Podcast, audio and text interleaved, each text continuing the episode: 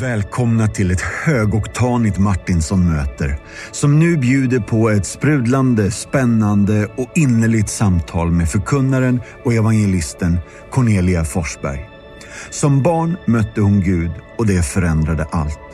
Nu jobbar hon som ansvarig ledare för förnyelseorganisationen Hope for this nation.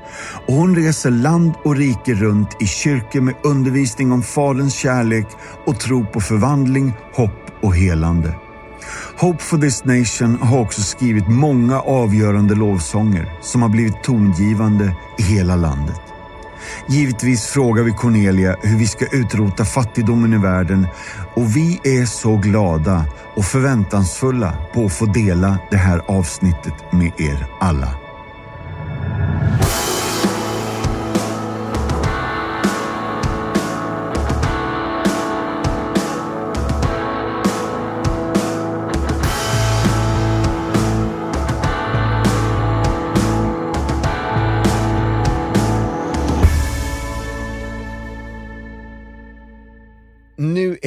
Att idag har vi en gäst som jag har sett fram emot att få möta och det säger jag varenda gång nästan, men idag menar jag det mer än någonsin.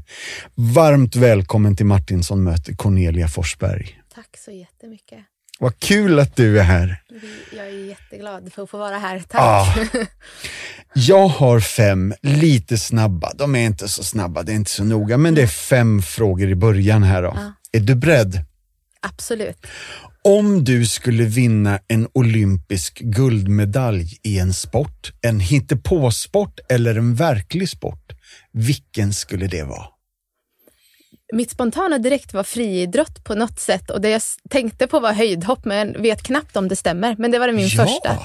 Ja. Men vad spännande, för jag hade trott att det skulle vara en bollsport. Jag vet, jag blev själv förvånad över mitt snabba svar för höjdhoppen. Men jag tittade väldigt mycket på friidrott när jag var yngre så jag undrar om det var det som var... Vad coolt. Ja. Ja.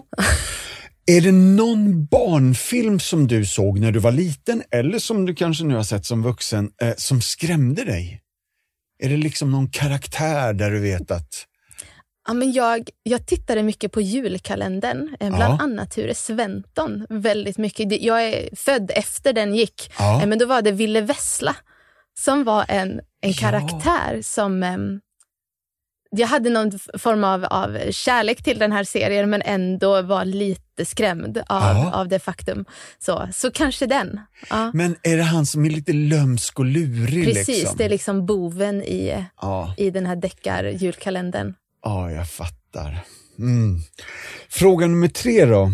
Har du varit med om något mirakel eller ett tecken eller ett under som du skulle kunna dela med oss? Och jag har varit med om, om många och sett Gud verka mirakel på olika sätt. Mm. Ehm, ja, men i, I det vi står i, ehm, så vi är ute mycket och möter människor som, som inte känner Jesus och får, får be med människor som inte, eh, som inte känner Jesus än. Och jag har flera sådana typer av bara historier av där människor som i fullständig chock plötsligt erfar ett mirakel i sina kroppar kanske. Vi, vi tror att Jesus kan hela människor. Och, eh, ett sånt som, som jag bara tänker på nu är, hade ett möte med en, en tjej, det var under pandemin, som som hade kronisk värk i sin rygg.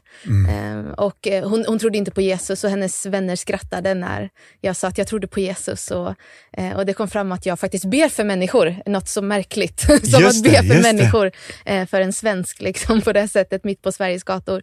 Eh, och så berättade hon om en, en, en hästolycka som hon hade varit med om. Och det var under pandemin så att vi hade inte handpåläggning eller sådär. Utan jag sa, Nej. men jag tror på Jesus, får jag bara sträcka en hand mot din rygg och be att Jesus skulle ta bort den där smärtan?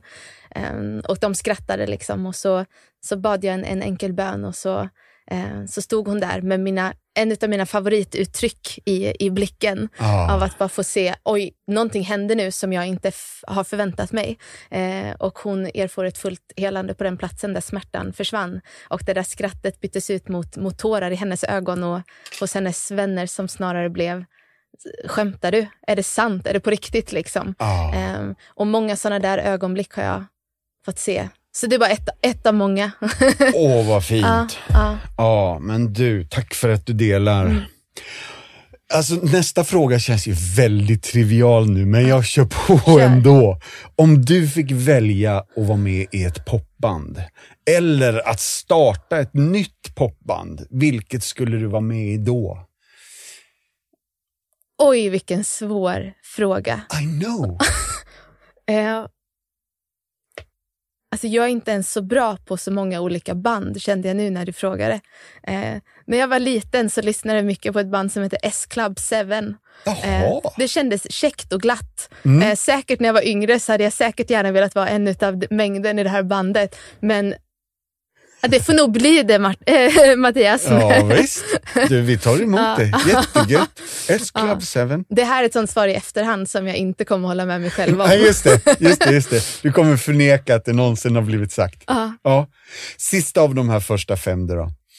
Om du får bjuda till middag, fyra gäster, nu levande eller sedan länge döda, du får välja vilka gäster du vill. Vilka skulle du bjuda in? Jag tror att jag hade haft med Mose där.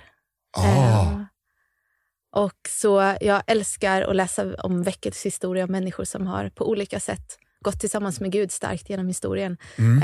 Eh, så jag hade nog bjudit in en man som heter Smith Wigglesworth som är en eh, personlig, eh, eh, inte favorit, men en personlig bara förebild på olika sätt i vad det är Mm. att gå i tro. Eh, och sen så en kvinna som heter Catherine Kuhlman som också eh, men en, en helande evangelist för Ja. eh, som levde för ett gäng år sedan. Och sen så skulle det nog... Jag skulle gärna haft där Heidi Baker eh, som är en missionär, eh, evangelistmissionär i Mosambik och som, som älskar Jesus på ett sätt som berör mig så djupt. ja, och på ett väldigt praktiskt sätt Ja, också. Otroligt häftigt. Du, vilken middag. Ja. Jag vill gärna fråga vad ni ska äta, men nu är, nu är vi klara med de Ja. första fem. 6 februari 1991, vad händer då? ja, men då kom jag fram, då kom jag till världen. Japp.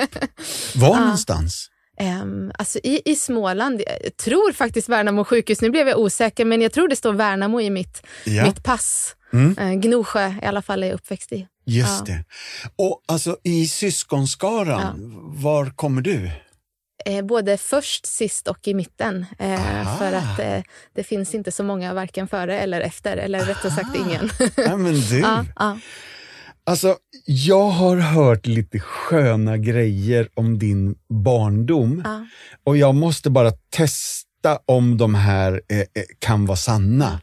Alltså, innan du kunde engelska Ja. så säger någon att du sjöng på engelska, liksom Andrew Crouch-låtar eller vad det nu var det. och du blev så berörd. Ja, det stämmer. Eh, jag hade ett tillfälle, eh, min, min mamma var med i, i något som heter Sångarna i Ja. Gnosjö i, i församlingen där jag är uppväxt. Och det var precis som det låter, det var de som sjöng Sångarna, en Ja. kör.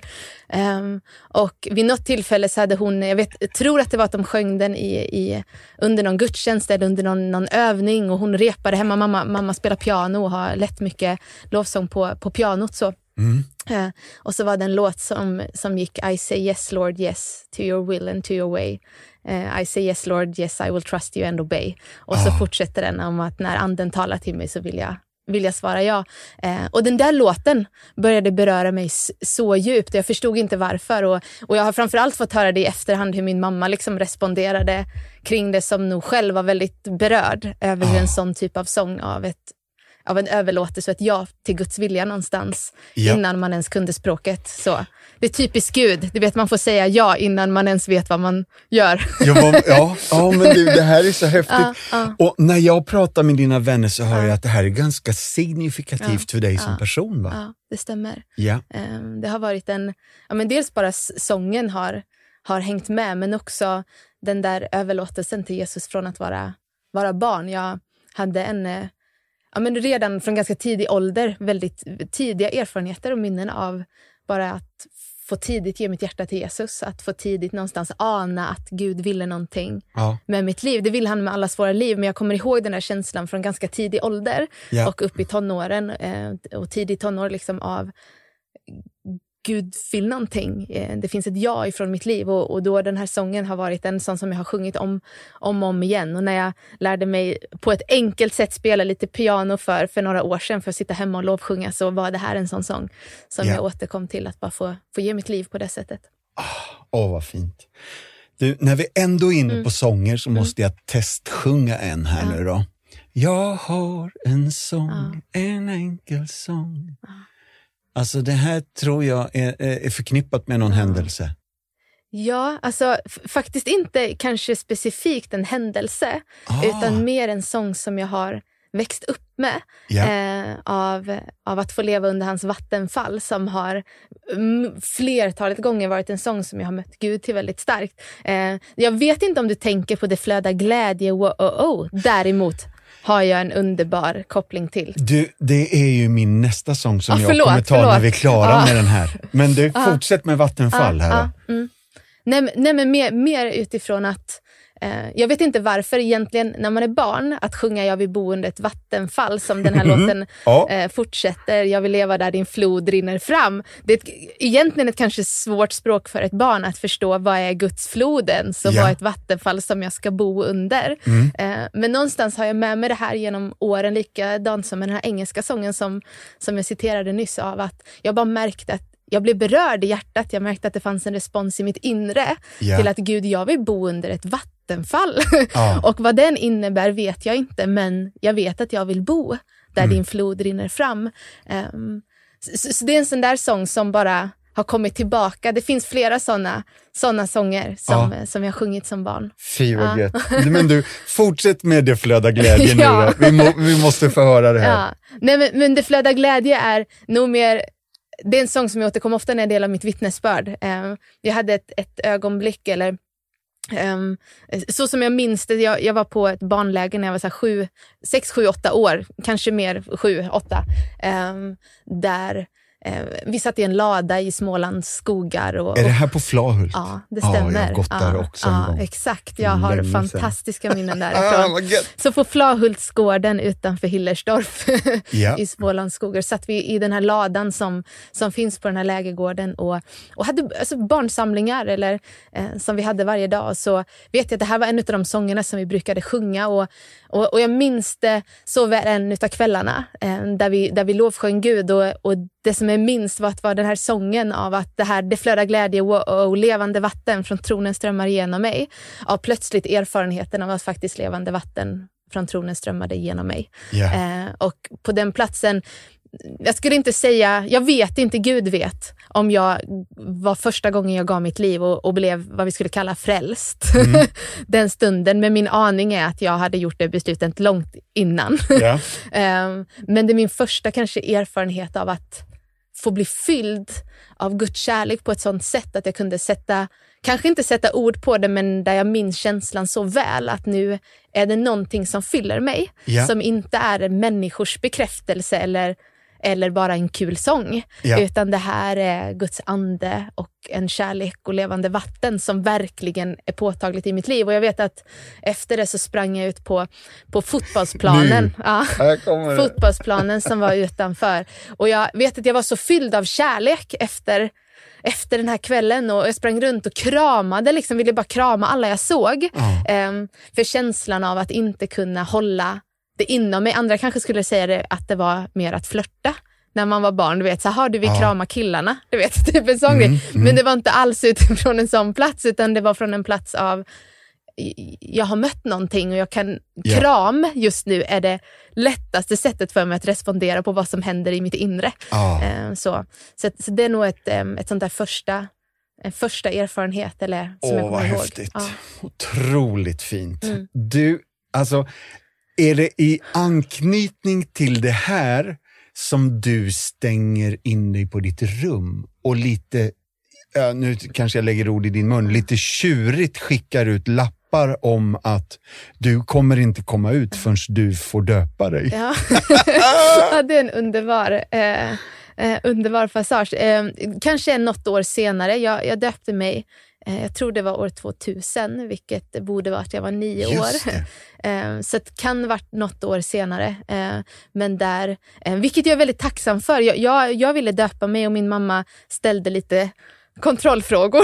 Tänkte jag säga. ja, ja, hon, hon var inte alls emot, men hon, hon ville att jag verkligen skulle veta vad jag gjorde och tyckte kanske att eventuellt att om jag var för liten och ville se att det var inte bara för att jag såg andra döpa mig eller andra som skulle det. Utan, Mm. eh, men jag var väldigt säker på min sak. Jag, jag visste att jag ville följa Jesus. Så jag låste in mig som sagt på, på mitt rum och eh, gjorde någon form av teckning eller skrev någonting där det stod jag vill döpa mig. Ja. Eh, och skickade, in, eh, skick- skickade den under, under dörrposten. Eh, så. Så, Eh, så bra. att, eh, efter utpressning så, så fick jag gå ner i dopgraven. Ja. Så.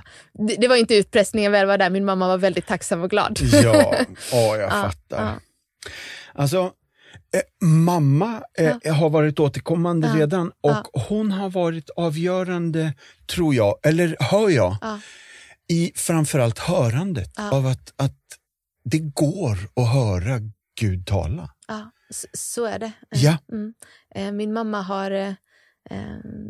Alltid när jag delar mitt vittnesbörd från barn så är det omöjligt att, att inte nämna mamma, Ja. som, som vi redan har märkt. Ja. Och, och hon har varit en person som ehm, ja, men som i alla år under hela min uppväxt från det att jag var liksom barn upp i tonåren och fortfarande är en person som som har ställt de där frågorna som handlar om Gud. Eh, när jag åkte på läger eh, Ja. så var hon en sån där som frågade inte bara har du kioskpengar så att det räcker, utan har du mött Gud? Vad har Gud gjort? Och jag, det var henne jag ringde till när jag hade blivit andedöpt eller jag hade en Mm. första erfarenhet på, på Steningelägret av att få bli fylld av den heliga ande på ett på ett sätt jag aldrig hade erfarit tidigare. Liksom. Och hon var den första jag sprang ner till stranden liksom, för att ringa upp och berätta att jag, Gud har mött mig för att det var vår typ av relation. Det var naturligt där och hon bekräftade det och kunde se eh, vad Gud gjorde. Och, eh, och hon, hon har varit en sån där som som i församlingen, dels där jag var, var med när jag var yngre, men också är, har varit en, en sån här profetisk röst som, som vid tillfällen har fått ett tilltal ifrån himlen och jag har sett henne i, ibland i vånda eh, stå och pröva inför himlen om hon ska gå upp och dela någonting, om det verkligen är Gud. Eh, för att hon har varit mån om att hon vill dela saker som, som faktiskt är, eh, är ifrån Gud. Och, och jag är uppväxt med det där av att se min mamma gå upp ibland på estraden för Ja. att säga ett ord av att Herren säger. Mm. Eh, så det där har varit med mig och varit naturligt. Och, och jag vet att vid, vid något tillfälle, eh, minns inte riktigt när det här var, eh, men där, vi, där, jag, där hon berättade för mig på vilket sätt som hon hörde Gud. För jag förstod att du hör, liksom, hur går det till? Mm. Och där mamma förklarade ungefär att ja, men när Gud säger någonting så upplever jag först liksom på något sätt ett, ett dunk i mitt hjärta. Eh, och så säger jag till honom varje gång så här att om Gud, om det här verkligen är du, då ber jag att du ska bekräfta det genom att du ska slå dubbelt så fort. Eh, och så brukade Gud alltid göra det där mammas liksom lite krav Just det, just för det. att se och kunna bekräfta att det var Gud. Eh, och sen brukade de fortsätta den här konversationen och så, och så sa hon eh, till slut att ja men Gud om det här verkligen är du så s- slå mig nästan ner till marken på det sättet så att jag knappt kan ta mig fram till estraden för att säga det här. Mm. Så att jag verkligen förstår att det här inte bara är jag. Eh, och Gud brukade göra det där, eh, det där som hon hon på något sätt behövde Ja. för att också få den bekräftelsen på att det här är Gud och att någonstans kunna pröva det gentemot, gentemot honom. Och, eh, så jag vet när jag var typ 12-13 någon gång, jag hade en första erfarenhet själv. Jag stod på ett läger och så eh, anade jag från, från ganska mycket ingenstans, oj, Gud talar. Eh, jag hade nog varit med om att Gud hade på något sätt så här anat saker. Men det var första gången som jag upplevde nu säger han någonting som han också faktiskt vill att jag ska dela. Inte bara en känsla utan det var påtagligt ett ord eh, ifrån Gud. Eh, och jag vet att mitt hjärta började slå och direkt så kom det tillbaka. Just Du vet, hur funkar det för min mamma? Ja. Eh, så jag gör, gjorde samma sak. Jag bara, Gud om det här är du, så låt mitt hjärta slå dubbelt så fort. Och så slog det dubbelt så fort och så sa jag, Gud om det här är du så vill jag nästan slås till marken. Så att jag fattar att jag inte går fram med egen kraft. Och jag låg där hängandes över en bänk, du vet på det här lägret som jag kanske var 13-14, jag kommer inte riktigt ihåg exakt. Men, ehm, och så till slut gick jag fram eh, och delade det där ordet och så kom det fram några efter och sa att det där var inne i mitt liv. Ehm, och efter den stunden så, så väcktes någonting av, jag förstod att jag också hörde. Eh, och där min mamma har varit en naturlig del av att man hör. Mm. det är naturligt när man ser någon i sin närhet eh, som hör. Då förstår man att jag kan höra. Eh, så. Åh, vad spännande. Eh, Jesus Generation, ja. eh, alltså är det på Bäckaskolan? Nej, um, Jesus Generation var en... Um, um, när, I min ungdom, när jag var i, men ganska tidigt tonår, så var det i våran... vad ska man säga, i, i våran församling men också i, i samarbete med andra pingstförsamlingar främst, tror jag mm. det var. Men mm. jag tror att det även var att det sträckte sig utanför samfundet. Liksom så. I, I omnejden som vi var, i kommunerna runt omkring Gnosjö och i, i Småland. En ganska stor rörelse av ungdomar ja. um, som började åka runt liksom, till församling till församling. Och vi hade ungdomsmöten på i ort efter ort, de minsta av orter man kan tänka sig ah, som man häftigt. inte eh, någonsin hade besökt innan, som går lika fort att åka in som går att åka ut efter. Men vi åkte hela busslass under min ungdom till de här platserna och, um, och jag har ofta sett tillbaka på den här tiden av, av det som kallas Jesus generation. Det trycktes upp t-shirtar så det var perfekt att gå i skolan med. Ja. Eh, så här en cirkel på ryggen där det stod Jesus generation och JG eh, så att folk skulle fråga vad är det för t-shirt du har. Ja, visst. Eh, och sådär. Eh, men det var så berörd när jag tänkt tillbaka på den tiden av att vi verkligen fick så, se en rörelse. Det var jättemycket ungdomar. Eh, jättemånga som verkligen brann ifrån Gud. Ja. Och som så hängivet, vi bara åkte runt och vi tillbad Jesus och vi var unga tonåringar. Mm. Eh, som man i efterhand kan se tillbaka på och se att oj, wow, tänk att jag fick växa upp i det här. Ja, ja. otroligt ja. fint. Någonting som heter Onsdraget. Ja. alltså det här är ett underbart namn också. Ja. På fabriken också. Ja, ja. Det här, eh, du får hjälpa oss lite här. Ja. Eh, onsdraget var eh, en onsdagsverksamhet som man kanske kan försöka lista ut på namnet. Ja, eh, ja. Det var uppenbarligen väldigt dragigt.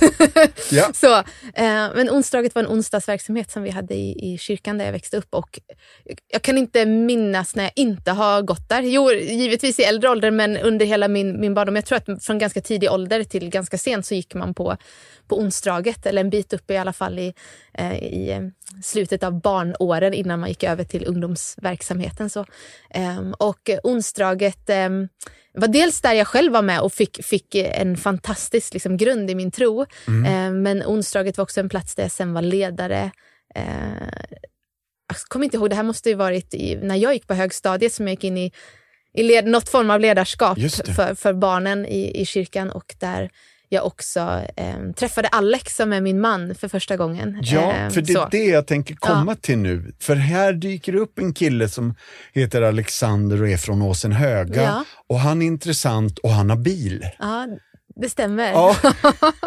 han, eh, vi träffades, jag, jag var bara 14 vid den här tiden. Det kanske till och med, jag funderar nu om jag till och med bara var 13 precis vid det här tillfället. Men, men 14 är i alla fall det som jag brukar återkomma till. Och, eh, han, hans kompis hade precis blivit tillsammans med min kusin och också vän. Eh, så att han råkade komma vid ett tillfälle till onsdaget då, där jag var ledare och jag stod och sjöng Bygg inte hus på en sandig strand och gjorde rörelser ja. eh, till den här sången. Och uppenbarligen så så fick det honom att, äh, att se mig. Yep. jag försökte absolut inte göra det som någon form av inbjudan och flört när jag sjöng den här. Äh, men uppenbarligen så såg han någonting och skrev ganska snabbt. Och, ähm, och skulle jag råda människor idag att så här, hur, när ska jag gå in i ett förhållande och så vidare så skulle jag uppmuntra att pröva det inför Gud, ta det i bön, eh, ja. låt friden leda dig. ja, ja. Eh, för min del så var det nog faktiskt ganska mycket han... Han är eh, en kille tänkte jag säga.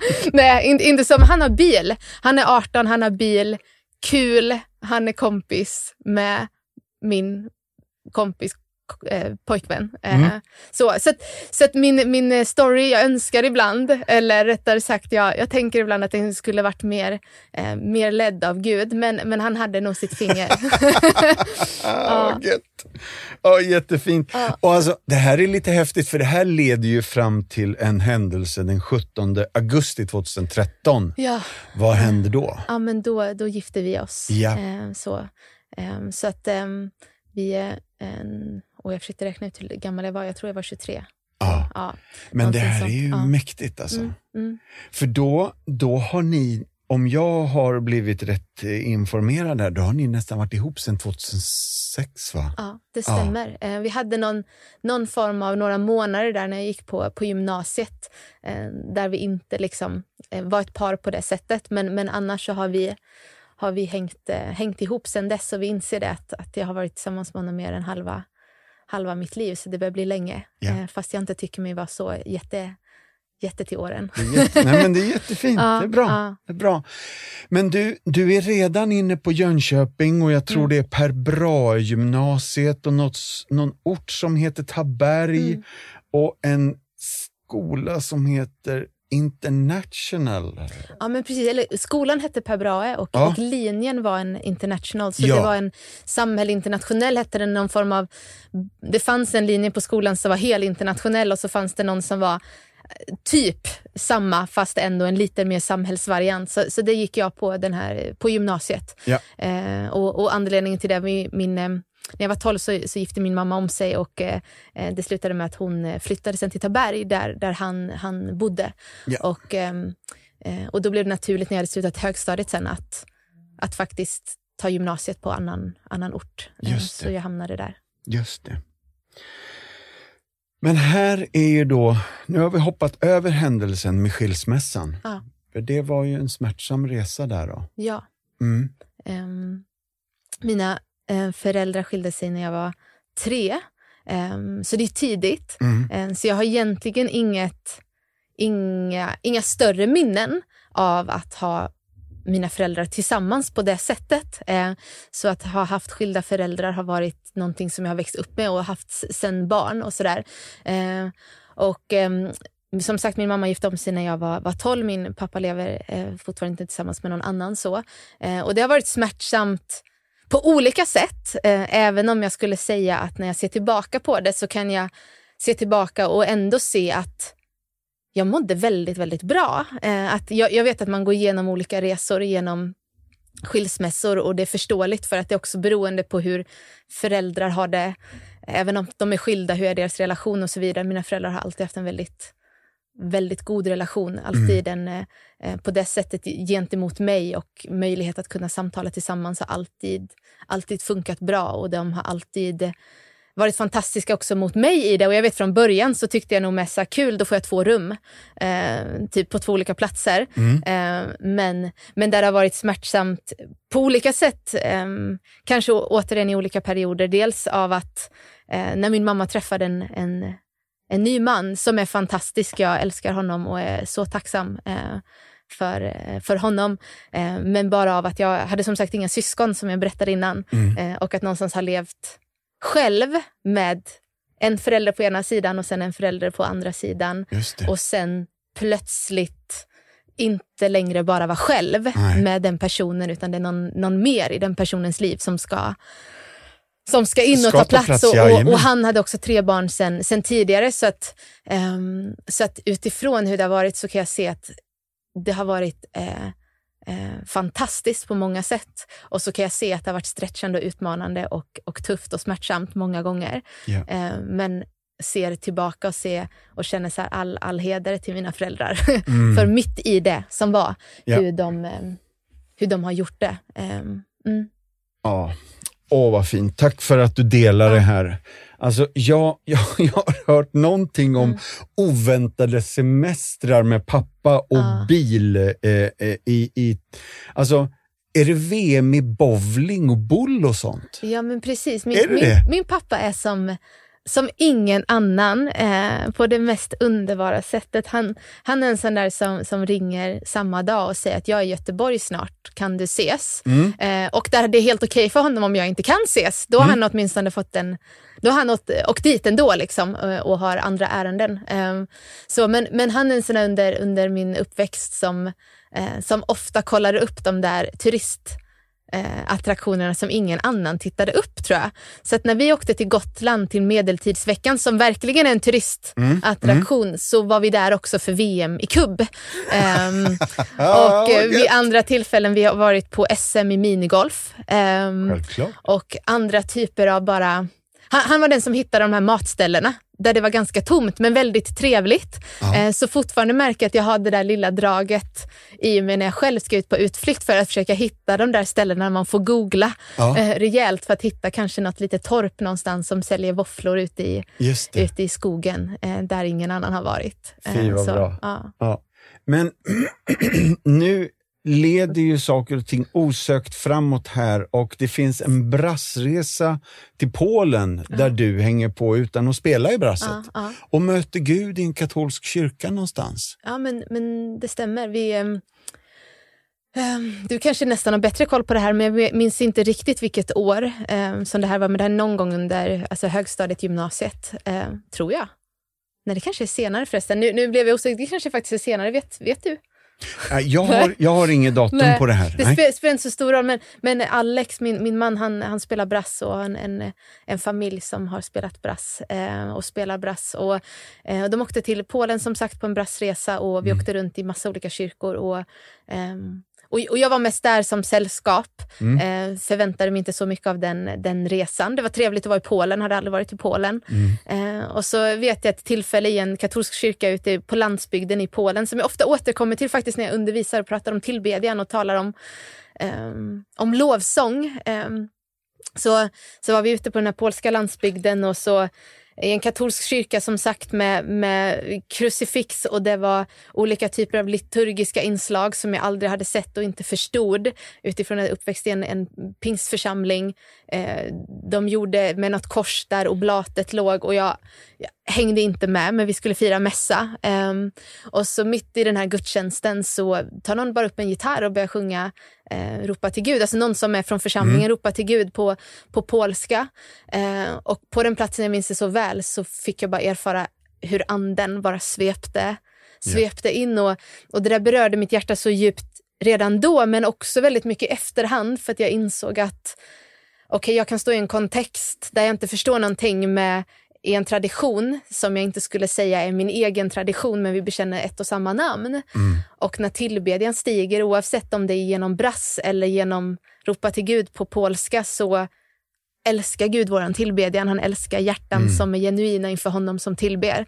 Eh, och efter det så är det en sån situation som har berört mig att, att oavsett om jag lovsjunger till, till brass eller till en, ett grytlock eller på ett språk jag inte förstår så vet jag att tillbedjan till Gud kommer från en helt annan plats än vad en musikgenre Ja. kan, kan säga mig. Utan det kommer från en plats av hjärtan som bara tillber Gud. Och, ehm, ja, så att, ehm, och efter det så, så, så tror jag att det har varit en resa i mitt eget liv av att bara också släppa fördomar. Eh, gentemot sammanhang, gentemot sammanhang som jag inte har en tradition eller inte uppväxt i samma tradition och bara se att Jesus är större. Åh, vad gött. Jättespännande. Jag tror att jag är framme vid 2010-2011 och här är det en liten game changer. Eh, I alla fall ett delmål i det här, för du flyttar till Göteborg och går på Bibelskola Väst. Men ganska snart blir du anställd ungdomsledare i det här eh, eh, Zebra. Har vi pratat om det kanske? Eller är det bara jag som tänker på zebror? Ja, det kanske bara är du. Ja, ja. Ja. Byter namn till By the way, men Ja. du jobbar i kyrkan Ja, här. det stämmer. Mm. Ehm, så jag flyttade till Göteborg 2010 eh, för att gå eh, bibelskola. Och Bibelskola Väst var då, fanns inte så mycket olika bibelskolor så, att, så det var en ganska självklar Ja. val. Så jag flyttade, sam, eh, flyttade ihop tillsammans med min kusin Ja. Hilda och vi gick tillsammans också bara, den här bibelskolan. Och efter ett halvår där så, så fick jag frågan om att börja jobba i Smyna. Eh, Smyrnakyrkan eh, 20% som ungdomsledare. Så varje fredagkväll, så, så jag skulle egentligen gå in i ledarskap för deras tonårsverksamhet, eller den som var för högstadiet. Och, och den hette Zebra eh, på den tiden. Eh, det finns olika förklaringar på varför, men den hette så. Och jag vet att det fanns ett tillfälle när jag på något sätt prövade om jag skulle säga ja till det här. Där en av mina bibelskolelärare eh, kom och en profetissa som Ja. sa, sa till mig att jag ser zebror över ditt, ditt liv. Eller på, på något sätt talade om just eh, zebra-ordet. Så Ja. och, och tog det på något sätt som en, en bekräftelse också in i det där och, och klev in eh, ja, men som 19-åring eh, och började leda ett arbete där eh, som jag också i efterhand är otroligt tacksam till Smyna eh, över att man vågade ge en 19-åring eh, Ja. så mycket ansvar. Ja. Just det. Och det här var tre, fyra år, så det var det är en längre session här va? Ja, precis. Sex år faktiskt till och med som så jag jobbade i, i Smyrna. Sen så byttes mina arbetsuppgifter lite under de här eh, åren, eller rättare sagt att efter, jag tror efter tre, fyra år så, Ah. så klev jag in i en, en pastortjänst. Så han, eh, jag jobbade tillsammans med en, en man som heter Peter Levin som jobbade eh, som ungdomspastor då och jag jobbade som ungdomsledare och sen så fick han en, en ny tjänst så att jag klev in i hans pastors, pastortjänst och började leda unga, unga vuxna eh, med, ett, med ett större kanske huvudansvar i, i den bemärkelsen Ja. och avslutade min tjänst där 2000, precis årsskiftet 16-17. Ah, för jag, jag skulle vilja backa lite Mm. till 2014, för när jag sa game changer Ja. eh, 10-11 Ja. så är 14 också en game changer och kanske en, en större sådan. Ja. För att här, eh, här börjar du och Sanna Valleypacka be Ja. en kvart på en fredag. Det stämmer. Det Ja. stämmer. Vi, det här är verkligen en, en, eh, ja, men en game changer. Eh, där jag skulle säga att efter den, eh, den stunden eller de, den perioden så var mitt liv inte riktigt eh, detsamma. ja. Igen, vi, eh, men som sagt, jag jobbade i Smyrna, älskade arbetet där, älskade att få stå med ungdomar där och, och Sanna eh, var lovsångsledare och är fortfarande lovsångsledare i, i, i Smyrnakyrkan. Och Smyrna är ju stort, det är, det är mer än 3000 medlemmar tror jag, så det är inte självklart att man känner varandra bara för att man är med i samma församling. Ah. Eh, men, eh, så vi kände inte varandra alls väl. Jag jobbade som sagt med ungdomar och, och var på Unga vuxna. Jag hade sett henne liksom i Unga vuxna-arbetet. Vi hade mötts vid något tillfälle tidigare. Eh, men, men Sanna tog tag i mig 2014 eh, för att hon på något sätt såg i mitt liv att jag var en sån där som dels älskade Jesus men som också längtade efter mer. Och som också, eh, Sanna hade en, för en vana, brukar hon själv beskriva, av att ta tag i människor som hon såg hade med Jesus att göra Ja. och försökte få dem att berätta allting. Vad vet du om Jesus? Ja. Ungefär så. så. Vi möttes vid någon lunch eh, 2014 och bara pratade om Gud, bara pratade om Jesus, pratade om längtan, eh, pratade om saker som, som vi hade frågor kring och bollade kring eh, och sådär. Och så, så hände det här vid, vid ett par tillfällen med ganska lång tid emellanåt. Eh, och efter något sånt här tillfälle så, så finns det ett sms som skickades eh, som var ungefär jag tror vi ska börja be ihop. Eh, Det är tydligen jag som har skickat det här. Jag trodde det var Sanna som har skickat det, men vi har sett i efterhand att det var jag som tog det här initiativet, så att det kanske var Herren.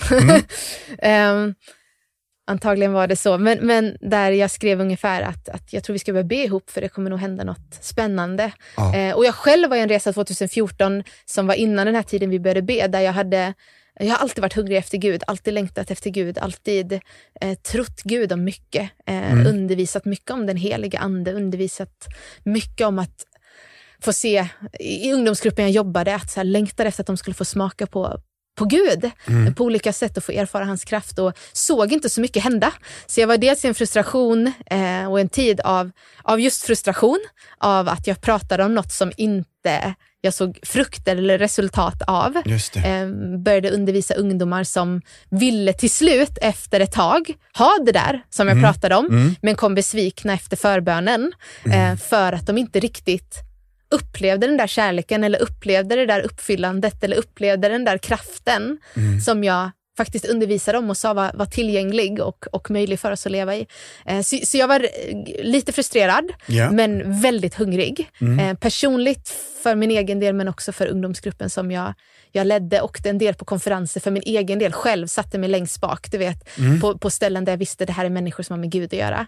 Eh, och satt på knä och gick på alla förbönstillfällen man kunde gå, bara för att själv få ta emot, själv få, få smaka på, på mer av Gud. Jag sträckte mig efter det profetiska, efter att, att börja be för sjuka och sådär.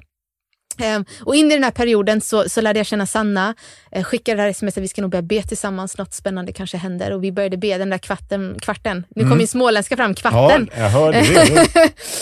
eh, kvarten på, på fredagar. Eh, och eh, vi, vi drack juice och vi kom tillsammans egentligen bara för att säga Gud, vi vill ha mer. Ja. Vi, vi upplevde att det var rätt sak att göra och vi hade bestämt att be. Eh, och sen precis när vi hade bestämt det fick jag vattkoppor och låg sjuk i typ en och en halv månad, jag vet inte hur länge, men var ordentligt sjuk. Så den här drogs på ganska länge, den här bönetillfällen, tillfället. Eh, och vi kom igång till slut, sen tror jag det var februari 2015 och började be på fredagar. Eh, och det var inga längre perioder, varken under tiden vi bad eller en längre period sträckte sig. Jag tror det var ungefär knappa månaden mm. som vi på något sätt gick in i en tid av att söka Gud, även om det kanske konkret var inte så lång tid på fredagar men vi sågs, så var det av en tid att Gud, vi söker, vi söker mer. Ja. Vi, vi någonstans sträcker oss efter det och jag vet att jag, eh, som kanske är signifikant också för för mig där och då bad väldigt mycket och fortfarande, men Gud, kom med din kraft. Jag vill se mirakel. Jag vill se ja. Eh, kraftgärningar i vår mitt, din eld och, och väldigt, väldigt tydliga böner och längtan efter att verkligen se Gud verka. Ja. Eh, bara kände att vi måste få se det i Sverige, inte bara i Afrika. Mm. Eh,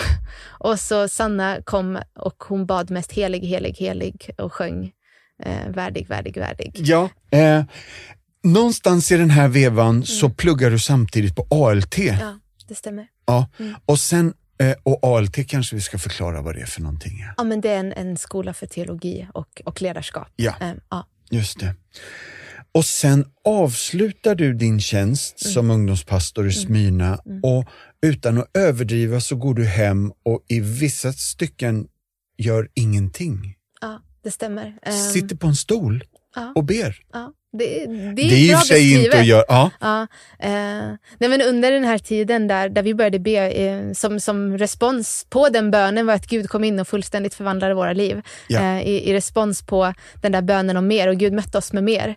Eh, och vi fick se fantastiska saker i ungdomsarbetet i, i Smyna under den tiden av dels hur, hur Gud började möta de där ungdomarna som jag hade pratat om kom tillbaka i i frustration eller i längtan eller besvikelse vad det än var som plötsligt började få möta Gud och vi började få se det där som vi hade ropat efter. Yeah. Eh, personligt framför allt, men också i, eh, i vår mitt. Och, och jag själv blev eh, förvandlad av Faderns kärlek och fick en identitet i, i vem jag var i Gud på ett sätt som jag hade bara vetat i tanken innan, eh, yeah. som plötsligt kom ner och blev, blev liv eh, i mitt sätt att leva. Och, så, att, så I den där perioden så, så, så, jobbade jag i Smyna och vi såg det här eh, hända och samtidigt så märkte vi och märkte jag att Gud eh, talade kring kring någonting ytterligare. Jag upplevde aldrig det där mötet med Gud 2015, att Gud sa du ska sluta ditt jobb och göra något annat. Ja. Eh, ibland kan man förvänta sig det när Gud kommer in och märker oss, att det alltid handlar om ett nytt steg, ett nytt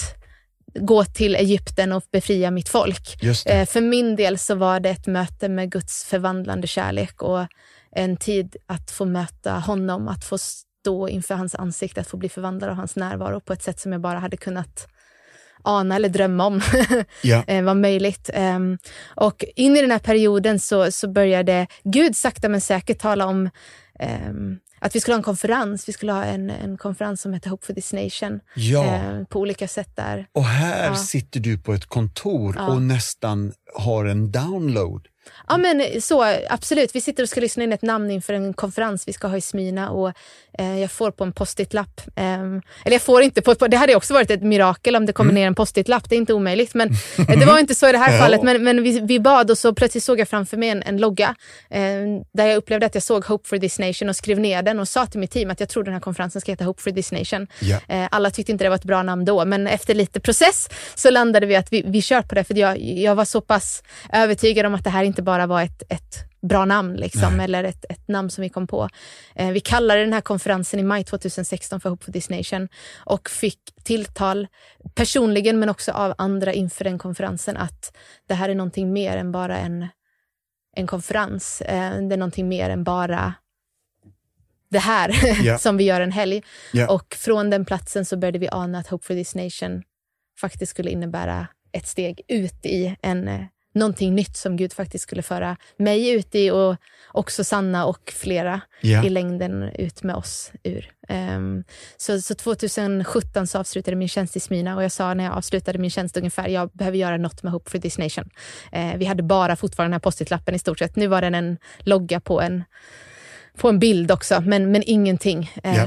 mer än en, en pilotfråga tänkte jag säga, men en, en fråga till min hemförsamling att komma Ja. dit en helg ehm, och göra, göra någonting och där vi frågade, får vi kalla det Hope for this nation?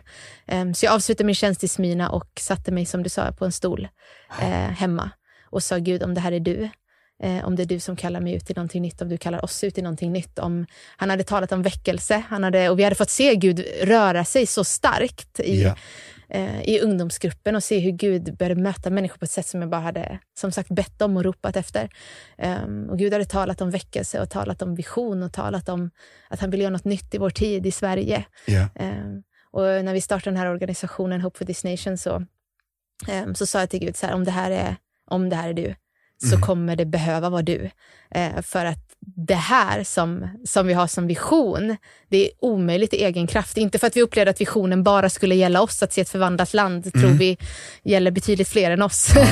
men, eh, men ska det här bli någonting så behöver det vara du, Gud, som öppnar varje dörr. Så jag bokstavligt satte mig på en stol och sa, om någon behöver ringa mig, eller någon behöver göra någonting, eh, för jag kommer inte öppna de här dörrarna Ja. själv. Så jag var den enda som hade avslutat min tjänst för att börja med det här. Det. Även om vi var fler med Sanna och min man och, och några runt omkring som var med i, i hjärtat och stod med liksom fullt ut i visionen och det vi längtade efter. Ja. Men det var, var jag som hade avslutat också den konkreta tjänsten och hade alltid. Så, att, ehm, så under en period av ungefär nästan två år så, så började det här ta form. Men min vardag såg mest ut faktiskt av lovsång hemma, eh, läsa Bibeln ehm, och sitta inför Gud och vänta på öppna dörrar. Ja. Ja. Det här är så häftigt, för Mm. nu när vi spelar in det här i slutet av augusti 2022 så Ja. är det ju fem år senare. Du och Sanna är anställda av Hope Ja. for this nation och det är x antal lovsångsskivor, eh, församlingshelger och gudstjänster och möten och gatuevangelisation och förbönstillfällen med människor som har blivit förvandlade, berörda, helade. Eller... Så du, du får bara hjälpa oss eh, eh, i den här... eh, Vad, vad, vad har hänt? Vad har hänt? Ja. Eh, Det som har hänt är att Gud har gjort mycket av det han sa att han skulle göra. Ja. Ehm, Det är sån han är. Han gör det han säger. Yes. Ehm, nej men vi, vi som sagt, vi, vi, vi tror att det är att vi lever i en tid där vi får börja smaka på väckelse eh, i vår nation. Det, det är min personliga övertygelse. Jag tror att vi lever i en, en tid där, där anden rör sig på ett sätt i vårt land som, som ingen kan stoppa. Eh, vi Ja. får gärna vara med och han kallar oss att vara med. Som, som Guds folk så, så kallar han oss att vara med i det som han, han gör. Men men han gör ett verk, jag har vittnesbörd om hur människor möter Jesus som inte ens ber om det. Eh, om hur människor kommer till tro på ett sätt som vi bara ser hur det är Guds ingripande. Eh, och det är inte bara en eller två, utan det sker, det sker en rörelse. Vi ser en öppenhet när vi är ute och vittnar på gatorna om Jesus. Vi ser Ja. en öppenhet. Eh, där står i förundran och är så här, men va? Vill människor höra så här mycket om Jesus? De vill inte gå när jag pratar. Och fast jag slutar prata så går inte de. Eh, av den här, man, man märker andens Anden rör vid människor och, och Jesus kallar människor att komma hem. Och, eh, och det vi står i nu har vi fått se hur Gud har öppnat dörrar. Dels för att resa runt eh, till församlingar och bjuda in till, till undervisning och tillbedjan. Vi, vi tror att det finns ett kall i vår tid tillbaka till, till kärnan för, för oss som tror. Jag tror att det är väckelse. När vi pratar om att vi tror att det är väckelsetider så, så väckelse har i historien oftast börjat bland Guds folk. Eh, av att vi själva blir, som namnet säger, väckta. Och plötsligt går från att vara kanske lite slumrande till att lite, oj, är det den här guden jag tror på? Just Är det det här som jag lever för? Är det här mitt syfte djupast sett? Och för när man börjar inse det där, till och med för oss som tror, men när det blir en riktig verklighet, att jag lever för någonting mycket större, ehm, så förändrar det vårt sätt att leva.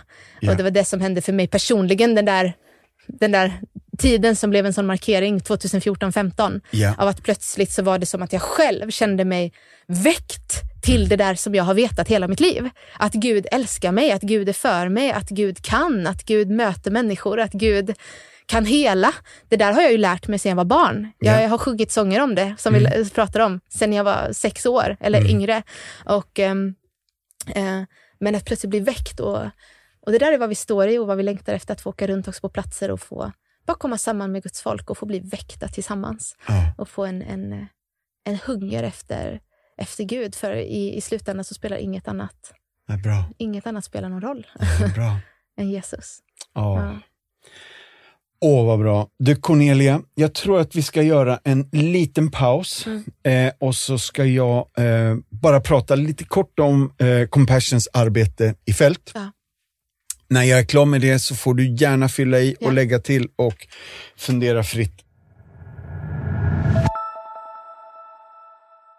Här gör vi en liten paus för att berätta om Compassions arbete ute i fält. Abena Bukikuma är en småstad i Swedru i centrala Ghana, cirka tre timmar ifrån Accra, Ghanas huvudstad. Hela staden stod inför en kris. De hade inget rent vatten att dricka och deras huvudsakliga vattenkälla var en bäck som låg 45 minuters promenad från stan. Denna bäck var inte särskilt ren. En hälsoundersökning gjordes som visar att de flesta av invånarna led av sjukdomar till följd av att de regelbundet dricker det ohygieniska vattnet. Det här blev ett stort rop på hjälp. Den här vattenkrisen drabbade barnen som behövde gå upp tidigt, fem på morgonen, för att gå 45 minuter från sina hus till bäcken och tillbaka igen. Några av barnen behövde gå flera vändor eftersom de inte kunde få med sig tillräckligt stora hinkar och detta skulle göras varje morgon innan de gick till skolan. Jag vaknade 05.00 och fick gå fyra vändor, säger, säger 11-åriga Ohema och jag var tvungen att gå så här många vänder eftersom jag inte kunde bära en större hink. Jag är inte stark nog. Det här innebar att de flesta av barnen kom för sent till skolan. Lärare undrade också över att varför somnar de på lektionerna? På grund av trötthet som det här slitsamma dagliga uppdraget innebar så slutade en del elever helt med skolan eftersom det skulle vara för sent att hinna gå till plugget när sysslorna för dagen var klara. Så det här påverkade deras utbildning i allra högsta grad. Under våra skolbesök så märkte vi den dåliga närvarofrekvensen för barnen, säger Compassions projektledare Mr Yo. Så vi beställde byggandet av ett borrhål för att pumpa vatten åt stadens invånare år 2020. Den nya brunnen låg mitt i stan och det mest avlägsna hemmet låg som längst fem minuters promenad från brunnen. Så hela situationen var nu förvandlad. Elevernas närvaro förbättrades avsevärt och antalet hälsofall relaterade till vattenburna sjukdomar har nu minskat. Vattnet från bäcken var hemskt, säger tioåriga Georgina. Men vattnet från den nya brunnen smakar riktigt fint och rent och vi är otroligt nöjda med borrhålet, säger Madame Audiencia som är en av föräldrarna. Jag mådde dåligt av att behöva väcka barnen för att hämta vatten. Det var alltid en kamp och de kom alltid till skolan för sent och var trötta. Det var en känsla av lätthet i hela stan efter att brunnen hade byggts.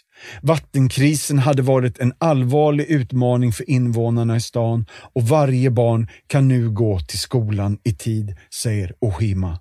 Och när vi kommer dit så sover vi inte längre på lektionerna. Stan är tacksam till Compassion för hjälpen. Min enkla fråga till dig som lyssnar. Vill du vara med och hjälpa till och göra världen bättre? Varför inte göra det nu? Vi kan hjälpa dig så att du kan hjälpa dem och liv kan förvandlas. Compassion är en kristen fadderbarnsorganisation. Vi har funnits i snart 70 år och vi hjälper över 2,2 miljoner fadderbarn i 27 länder. Vårt uppdrag, alltså varför vi gör det vi gör, det hittar du i Bibeln i Markus evangeliet 16 och 15.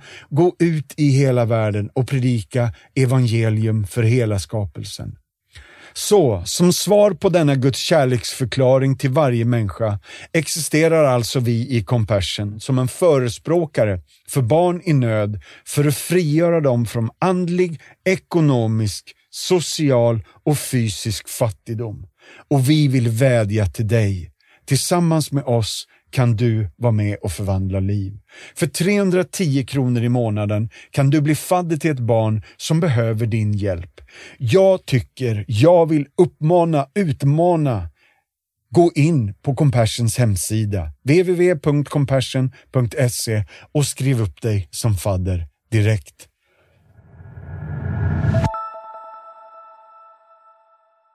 Nu då? Nu är jag klar med min berättelse. Ja.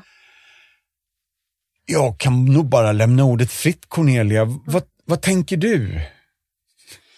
Jag tänker att eh, det finns ett, ett kall till oss och kommer alltid finnas ett kall till oss att få, få leva ett liv som demonstrerar vem Fadern är. Eh, när han kallar oss ut och, och kallar oss i Apostlagärningarna 1.8 så står det att ni ska få kraft att bli mina vittnen. Står det.